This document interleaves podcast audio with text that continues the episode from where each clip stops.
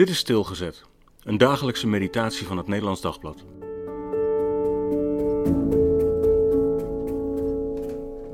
Altaar.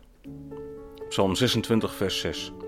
Ik zal mijn handen in onschuld wassen, een rondgang maken om uw altaar, Heer. We kennen deze symbolische handeling uit het proces van Jezus.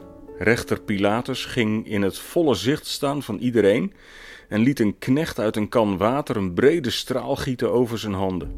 Terwijl het water van zijn handen op het plaveisel van de gerichtsplaats spetterde, verklaarde hij dat hij volledig onschuldig was aan het kwaad dat nu ging gebeuren.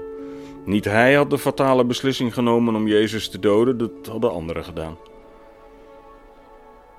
Je handen in onschuld wassen, dat moet je publiek doen. En David is van plan dat te gaan doen in het heiligdom van de Heer. Want alleen de Heer kan beoordelen of hij werkelijk onschuldig is. En daarom zal hij ook plechtig rond het altaar lopen. Want hij weet, ten diepste kan hij alleen maar onschuldig zijn dankzij dat altaar.